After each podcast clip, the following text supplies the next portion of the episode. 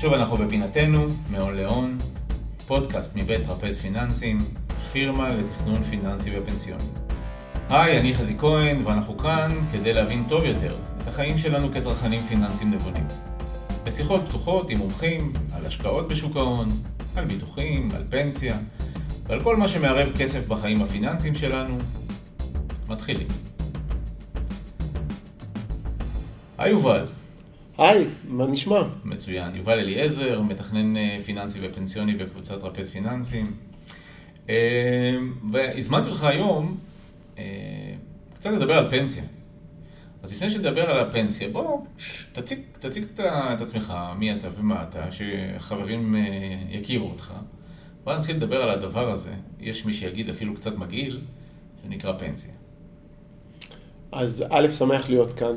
יובל אליעזר, בן 42, נשוי, אב ושלושה ילדים, אה, מתכנן פיננסי ופנסיוני במקצועי, אה, בעל תואר ראשון במימון ושוק ההון, מרצה אה, בשוק ההון ב-BDO, ואיתכם כאן היום ככה להבהיר מה זו קרן פנסיה ומה חשיבותה. אני דרך אגב מהצד השני, אני חושב שקרן פנסיה זה החיסכון של רובנו, החיסכון הכי גדול של החיים והכי משמעותי של החיים. ואני אנסה לשכנע אתכם עוד מעט למה כן. אז בואו בוא נתחיל לפני הלמה כן, מה זה בכלל קרן פנסיה? קרן פנסיה לרובנו, ל-80% מהאנשים, זה החיסכון הכי גדול של החיים שלהם, והוא אמור להבטיח את עתידם אה, הכלכלי מרגע הפרישה ועד לאקזיט בסוף הדרך. איך, אה, איך אה, חוסכים אליו?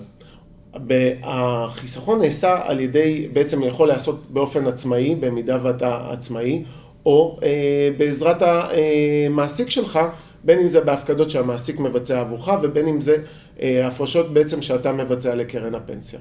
זאת אומרת, אם אני אה, עצמאי, יש לי עוסק אה, מורשה, עוסק פטור, אז אני יכול להפקיד בצורה עצמאית לקרן פנסיה? אני אתקן את זה, אתה חייב. אוקיי.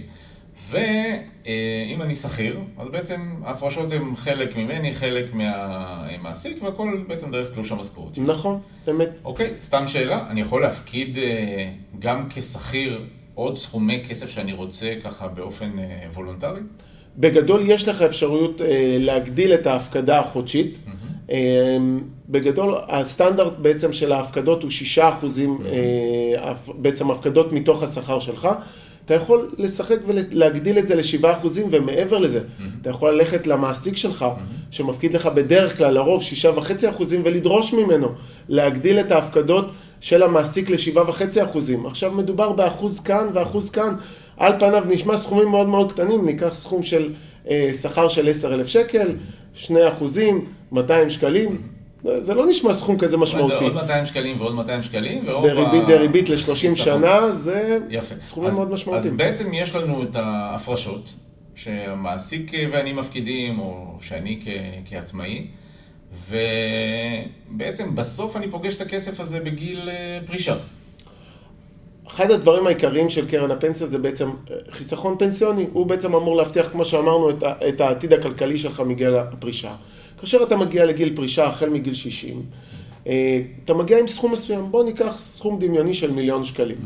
קרן הפנסיה בעצם באותו רגע אמורה לתת לך קצבה מאותו רגע ועד אה, בעצם לאקזיט, כמו שאמרנו, בין אם תחיה דרך אגב עד גיל 80 או בין אם תחיה עד גיל 100, 120, הקרן פנסיה תיתן לך קצבה די גבוהה למשך כל הזמן הזה. אז רגע, אבל איך אה, מחשבים את הקצבה הזאת? שאלה מעולה. זה לא... זה בעצם הקצבה היא המשכורת האחרונה.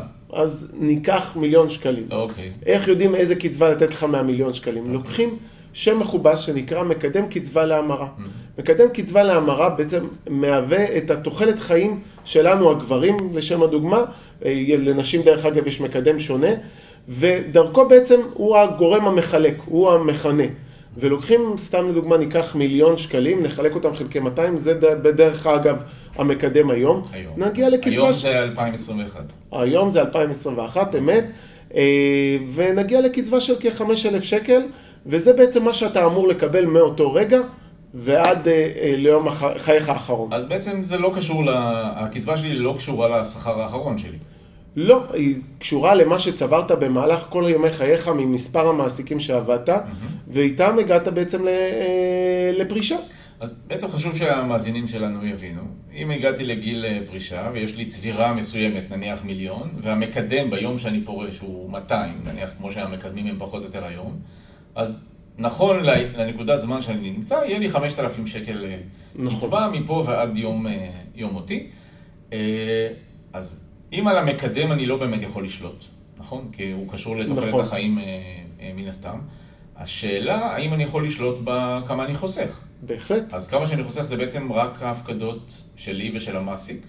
זה רק ההפקדות שלך ושל המעסיק, אבל יש לך החלטות מאוד מאוד חשובות במהלך הדרך בקרן הפנסיה, שאתה יכול לקבל, שישפיעו מאוד מאוד מאוד על החלק, על המונה, על המיליון שקלים האלו, כמו שדיברנו. על החיסכון בעצם. בהחלט, זה יכול להתבטא במספר ההחלטות שאתה יכול לקבל. האחת, זה בעצם אילו דמי ניהול יהיו לקרן הפנסיה. נכון להיום יש מבחר מאוד מאוד גדול של קרנות פנסיה, והגופים נלחמים עליך, ויש לך אפשרות לבוא ולנהל משא ומתן, ולבחור קרן פנסיה שדמי הניהול שם הם, זולים לעומת הקרן פנסיה הנוכחית. וחשוב לומר שקר... שדמי ניהול נמוכים יכולים להשפיע באופן מהותי על, על הקצבה שאתה תקבל, על הסכום שאתה תגיע איתו לפרישה. על מה בעצם לוקחים לי את הדמי ניהול? על הרווחים? קרן הפנסיה בעצם יש לה שתי סוגים של דמי ניהול. האחד הוא דמי ניהול מהפקדה. מה זאת אומרת? בואו ניקח סתם לדוגמה אה, דמי ניהול מאוד מאוד נפוצים מהפקדה, 2 אחוזים. נניח והפקדנו אלף שקלים לקרן הפנסיה, קרן הפנסיה תיקח מאותה הפקדה 2 אחוזים, כלומר 20 שקלים.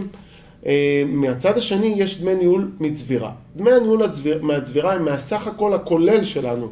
אה, ובדרך כלל הם דמי ניהול שהם יותר נמוכים, המקסימום האפשרי הוא עד 0.5, אה, כלומר חצי אחוז, אבל לרוב אנחנו נמצא את זה באזור ה-0.2, 0.25, תלוי בצבירה שיש לך ותלוי בכושר המיקוח שלך. אז ברור שאם הדמי ניהול יהיו יותר נמוכים, אז על ההפקדות אני אשלם פחות, יהיה לי יותר כסף בחיסכון. אמת. ועל הדמי ניהול מהצבירה, אם יהיו יותר נמוכים, אז מן הסתם יישאר לי יותר כסף בחיסכון, וזה הדבר הראשון שמשפיע לי על הצבירה העתידית. נכון, אבל לא רק. אפשר, אה, אפשר כמובן להתמקח על זה, כמו שאמרת. מומלץ. אפילו השוק הוא תחרותי. אה, אז מה הדבר הנוסף? כי דמי ניהול זה נראה לי אפילו קצת אה, אלמנטרי, פשוט לא צריך להיות מומחה גדול בשביל להבין, רק צריך לעשות את זה. צריך לעשות את זה, וההנאה לעשייה היא קצת הרבה פעמים מכשול, נכון. וצריך להתגבר עליה ולהרים את הטלפון ולהתמקח. אה, חשוב לומר, שינוי בדמי ניהול יכול להגיע עוד פעם לעשרות אלפי שקלים ומאות אלפי שקלים נכון, לאורך זמן, וזה פרמטר מאוד מאוד חשוב. פרמטר נוסף שאפשר להשפיע בעצם על קרן הפנסיה זה בחירת אפיק ההשקעה ובחירת קרן הפנסיה בכלל. אה, בחירת אפיק ההשקעה, נכון להיום יש המון מסלולים שקרנות הפנסיה מציעות, החל ממסלולים סולידיים ביותר כמו אגרות חוב ללא מניות, וכלה בעצם במסלולים מנייתיים, מחכי מדד כאלו ואחרים. ההבדלים בעצם בין המסלולים האלו יכולים להגיע לפערים של אה, אחוזים בודדים, של חמישה-שישה אחוזים אפילו בשנה, והפרש כזה במהלך אה, השנים בריבית דריבית יכול להגיע למאות אלפי שקלים בקלות. זאת אומרת, פערים של אחוזים בודדים בשנה הופכים להיות לאורך הרבה מאוד זמן עשרות ואולי אפילו מאות אחוזים של אה, הבדלים. אמת, בוא ניקח דוגמה מספרית, חזי. Yeah. בוא ניקח סתם לדוגמה בן אדם נורמטיבי, גיל 30, אה, לרוב אנחנו נמצא אותו באזור ה-200 אלף שקל בקרן הפנסיה, ניקח פער של חמישה אחוזים. באותו רגע שהוא עבר מסלול, ממסלול כזה, מסלול כללי למסלול מנייתי, והתחיל להרוויח חמישה אחוזים יותר, כלומר ייצרנו רווח של עשר אלף שקל כל שנה בריבית דריבית למשך שלושים שנה, אם בן אדם יישב עם מחשבון ויעשה את המכפלות, יגיע למאות אלפי שקלים. אה, שזה אומר מצד אחד, אם אני נמצא במסלולים שיש בהם קצת יותר מניות, זה אומר שהסיכון הוא יותר גבוה. בהחלט. אבל התשואות שיפצו אותי על לקיחת הסיכון יהיו יותר אה, גדולות. היית ממליץ את זה גם למי שהוא נמצא כמה שנים לקראת גיל פרישה? חשוב לומר שכל מה שאנחנו מדברים כאן הוא לצורך למידה, ואין פה המלצה ספציפית אה, לגבי מסלול מסוים, או אה, המלצה ספציפית לגבי תחום מסוים.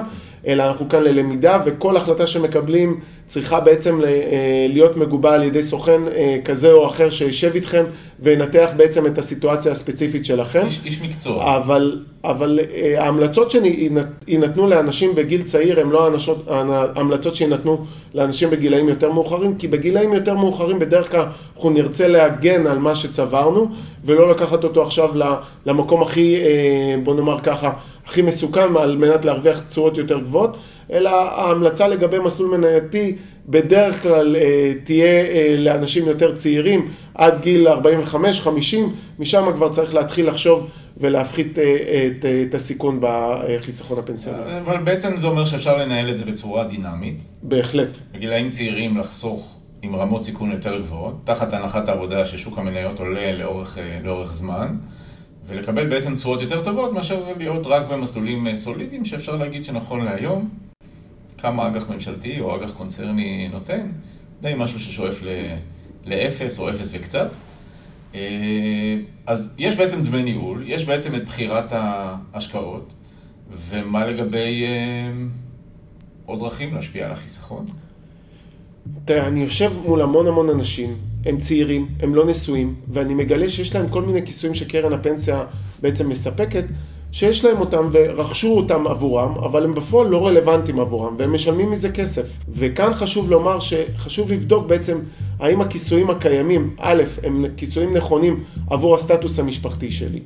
וכאן חשוב לומר ולציין שמלבד החיסכון הפנסיוני שקרן הפנסיה תספק לנו מגיל פרישה, קרן הפנסיה מספקת לנו עוד שתי כיסויים חשובים ביותר, הגנות סופר משמעותיות שלא הרבה יודעים. אה, ואני מחש שרוב האלו שמאזינים לנו כרגע לא יודעים מה הכיסויים האלו וחשוב לציין אותם. האחד זה אובדן כושר עבודה. מה זה אומר? שקרן הפנסיה, בילד אין דרך אגב, מגנה עלינו מפני מקרה של אובדן כושר עבודה. זאת אומרת שבמידה וקרה איזה משהו ואיבדנו את היכולת העבודה שלנו החל מ-25% אה, ומעלה, קרן הפנסיה תתחיל לספק לנו קצבה שתלווה אותנו עד הבראתנו או עד הגעתנו לגיל פרישה. אז זאת אומרת, זה, זה ביטוח שהקרן פנסיה כבר קונה עבורי, בדרך כלל במה שנקרא במסלולים של אה, אה, כיסויים ביטוחיים בברירת מחדל, אז קונים לי את זה באופן אה, אוטומטי. אמת. מה זה הכיסוי השני? הכיסוי השני הוא אה, פנסיית שאירים, אה, פנסיית אלמן ושאירים. Mm-hmm. וכאן בעצם חשוב לבדוק את הסטטוס המשפחתי. כיוון שבוא נצא מנקודת הנחה שאני רווק, mm-hmm. אז אין לי צורך בכיסוי הזה, כי אין לי א', אלמנה, ואין לי גם שאירים. ואז הוא אומר אז... שאני בעצם משלם סתם על ביטוח שאני לא צריך. בדיוק. Okay. אוקיי. ביטוח שאין לו תוחלת, כי, כי אין לך אלמנה ואין לך שאירים, אז אין צורך בזה. ולכן חשוב לבדוק את זה, וכאן פנייה לכל הרווקים. Mm-hmm. אנא בדקו אם יש לכם את הכיסוי הזה, ואם אין, תדאגו לבטל אותו, ובעזרת השם שתשברו את הכוס. Mm-hmm. עוד תתחתני במקרה השני, mm-hmm. אז תדאגו להוסיף את הכיסוי הזה. בגדול, מה אומר הכיסוי הזה? כיסוי סופר חשוב שאומר בגדול שבמידה והלכתי לעולמי, אוקיי? קרן הפנסיה תספק קצבה של כ-60% בברירת המחדל לאלמנה או לאלמן לכל ימי חייו, ומהצד השני, במידה וישנם ילדים, 20% נותרים עבור כל ילד עד 100% מהשכר שלי, עד גיל 21, עד שהאחרון יגיע לגיל 21. אז הכיסוי הזה הוא בעצם חשוב כשיש בת זוג, ובטח אה, כשיש ילדים, על אחת כמה וכמה ילדים קטנים. ברור שאפשר לכמת את הקצבאות האלה לעשרות ומאות אלפי שקלים, כמובן תלוי בשכר. אני אקח את זה מיליוני שקלים. אפילו מיליוני שקלים, כמובן אם השכר הוא גבוה. אבל אם אני רווק, אז אה, די מיותר שאני אשלם את, ה... את הפרמיה הזאת, כי אז בעצם אני מקטין את החיסכון שלי. בהחלט. מה שכן, אני מניח שאם החלטתי כשאני רווק לא לקנות את הביטוח הזה, חשוב מאוד לזכור להחזיר אותו אחרי, ש... אחרי שמתחתנים, ובטח כשמגיעים אה, ילדים. בהחלט. הדבר הראשון אחרי ששוברים את הכוס או מתחתנים, mm-hmm. זה ללכת ולהודיע לסוכן, להוסיף את כיסוי השם. ואנחנו מכירים uh, שיחות טלפון כאלה, התחתנתי, תעדכנו לי את הקרן פנסיה. יפה. בואו ככה לפני שנסיים, יובל, תן לנו את דקת הזהב שלך. איזשהו טיפ שאיתו אנחנו מסיימים את הפודקאסטים שלנו בדרך כלל. Uh, דקת זהב, טיפ זהב, משהו ששווה הון. האמת שנגענו בזה קצת בהתחלה, נגעתי בזה, אבל זה טיפ מאוד מאוד חשוב שלא הרבה יודעים. אבל בקלות רבה אתם יכולים להגדיל את ההפקדות שלכם אה, לפנסיה. מ-6 אחוזים, שזה דרך אגב ברירת המחדל, המעסיק לא שואל אתכם הרבה פעמים, הוא אוטומטית שם 6 אחוזים ל-7 אחוזים. המשמעות של, של זה שהסכום האחוז הזה ילך לקרן הפנסיה וייצבר לכם בריבית דריבית ל-30 או 40 שנה מדובר בפער שיכול להיות במה שאתם תקבלו בקרן הפנסיה בסוף של אלפי שקלים.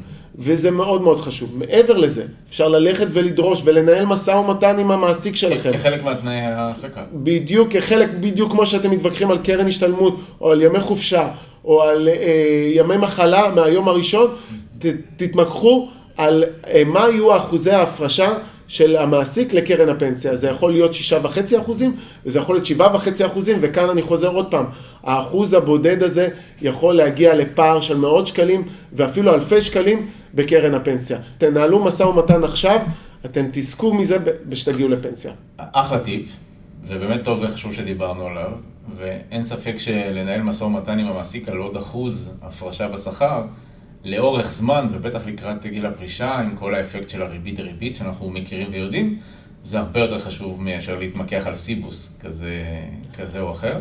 אני מציע למאזינים שלנו לקחת מחשבון פיננסי, אה, שאפשר להוריד באפליקציה כזאת או אחרת דרך גוגל פליי, ולשים 200 שקלים, אחוז אחד שלנו, mm-hmm. אחוז אחד של מעסיק משכר של 10,000 שקל, לקחת אה, בריבית דריבית של, סתם לדוגמה, 7 אחוזים, שזה הריבית אה, נכון להיום, במסלולים הכלליים, לא במסלולים המנייתיים דרך אגב, בריבית דריבית של 40 שנה.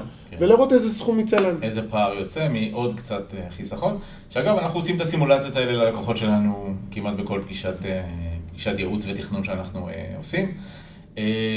ובאמת אני, אני יכול להגיד, אולי גם אתה, יובל, שהפנים באמת פתאום מוארות כשרואים את המספרים וכמה פעולות יחסית קטנות אבל נכונות, מייצרות בעצם עתיד פיננסי שנראה אחרת לגמרי. בהחלט. ואין ספק שבעולם הפנסיוני הזה זה קצת כמו דלתות מסתובבות, אני קורא לזה. הכל צריך להחליט מאיזה דלת אתה יוצא. מזה שטומן את הראש בחול ולא עושה כלום, או עושה את המינימום, אולי מתמקח רק על דמי ניהול, או מישהו שבאמת מנהל את זה בצורה אקטיבית, או לפחות שיש מישהו שמלווה אותו בצורה אקטיבית, ובוחרים את המסלול הנכון, ונמצאים ביצרן הנכון, שדרך אגב, גם בעיניי, להיות במסלול כללי או במסלול מנייתי, לפעמים גם צריך לדעת באיזה יצרן להיות. כי אנחנו מכירים את האג'נדה של אה, בתי השקעות וחברות הביטוח. יש מקומות אה, ולעיתים גוף אחד יותר איכותי בניהול ההשקעות שלו, ולפעמים הגלגל מתהפך ויש יצרנים אחרים.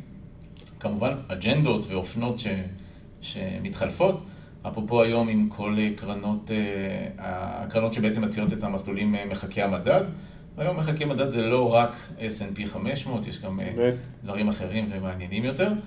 אה, מילה לסיום, יובל. תעמדו על שלכם, תבדקו, אל תיתנו, כשאתם מקבלים את הדוח השנתי, אל תשימו אותו בצד.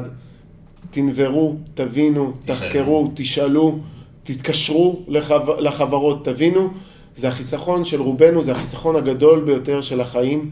וחשוב שתבדקו אותו. ככל שתבדקו יותר מוקדם ותעשו את השינויים האלו יותר מוקדם, ככה סביר להניח שהקצבה שלכם בסוף הדרך תגדל באופן יותר משמעותי.